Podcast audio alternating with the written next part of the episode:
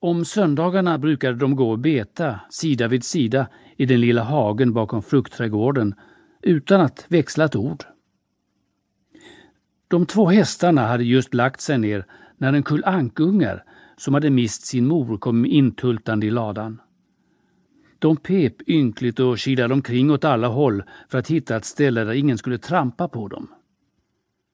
Clover formades som en mur omkring dem med sitt stora framben och ankungarna kurade ihop sig där inne och somnade med detsamma. I sista ögonblicket kom vackra Molly, det fjolliga vita stoet som drog Mr Jones trilla, kokett intrippande med en sockerbit i munnen. Hon tog plats långt fram och började kråma sig och kasta med sin vita man i hopp om att dra uppmärksamhet till de röda banden den var flätad med. Sist av alla kom Kattan, som sin vana trogen såg sig om efter den varmaste platsen och slutligen klämde sig in mellan Boxer och Clover. Där låg hon och spann belåtet hela tiden majoren talade och lyssnade inte på ett ord av det han sa. Nu var alla djuren närvarande, utom den tama korpen Moses, som satt och sov på en pinne bakom köksdörren. När majoren såg att alla hade gjort det bekvämt för sig och väntade uppmärksamt klarade han strupen och började. Kamrater, eh, ni har alla hört om den underliga drömmen jag hade igår natt. Men den ska jag återkomma till senare. Eh, först har jag någonting annat att säga. Ni förstår, kamrater. Jag tror inte att jag kommer att vara kvar ibland er så många månader till. Och innan jag dör anser jag det vara min plikt att delge er den visdom jag kan ha förvärvat. Jag har haft ett långt liv. Jag har haft gott om tid att tänka när jag legat ensam i min stia. Och jag tror mig kunna säga att jag förstår vårt jordelivsväsen lika bra som något annat djur idag. Det är detta jag vill tala mer om.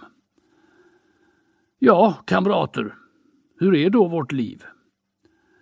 Låt mig säga det utan omsvep. Vårt liv är eländigt, mödosamt och kort. Vi föds, man ger oss nätt och jämnt så mycket mat att vi håller oss vid liv.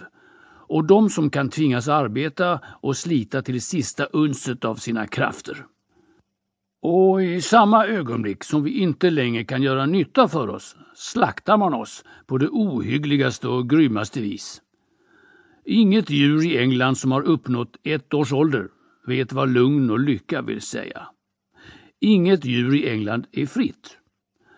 Djurets liv är misär och träldom. Det är den nakna sanningen.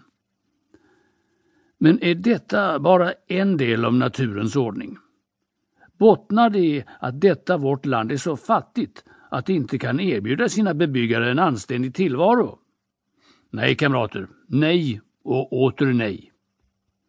Englands jord är bördig, dess klimat är gynnsamt. Vårt land kan ge mat i överflöd åt ofantligt många fler djur än de som nu bebor det.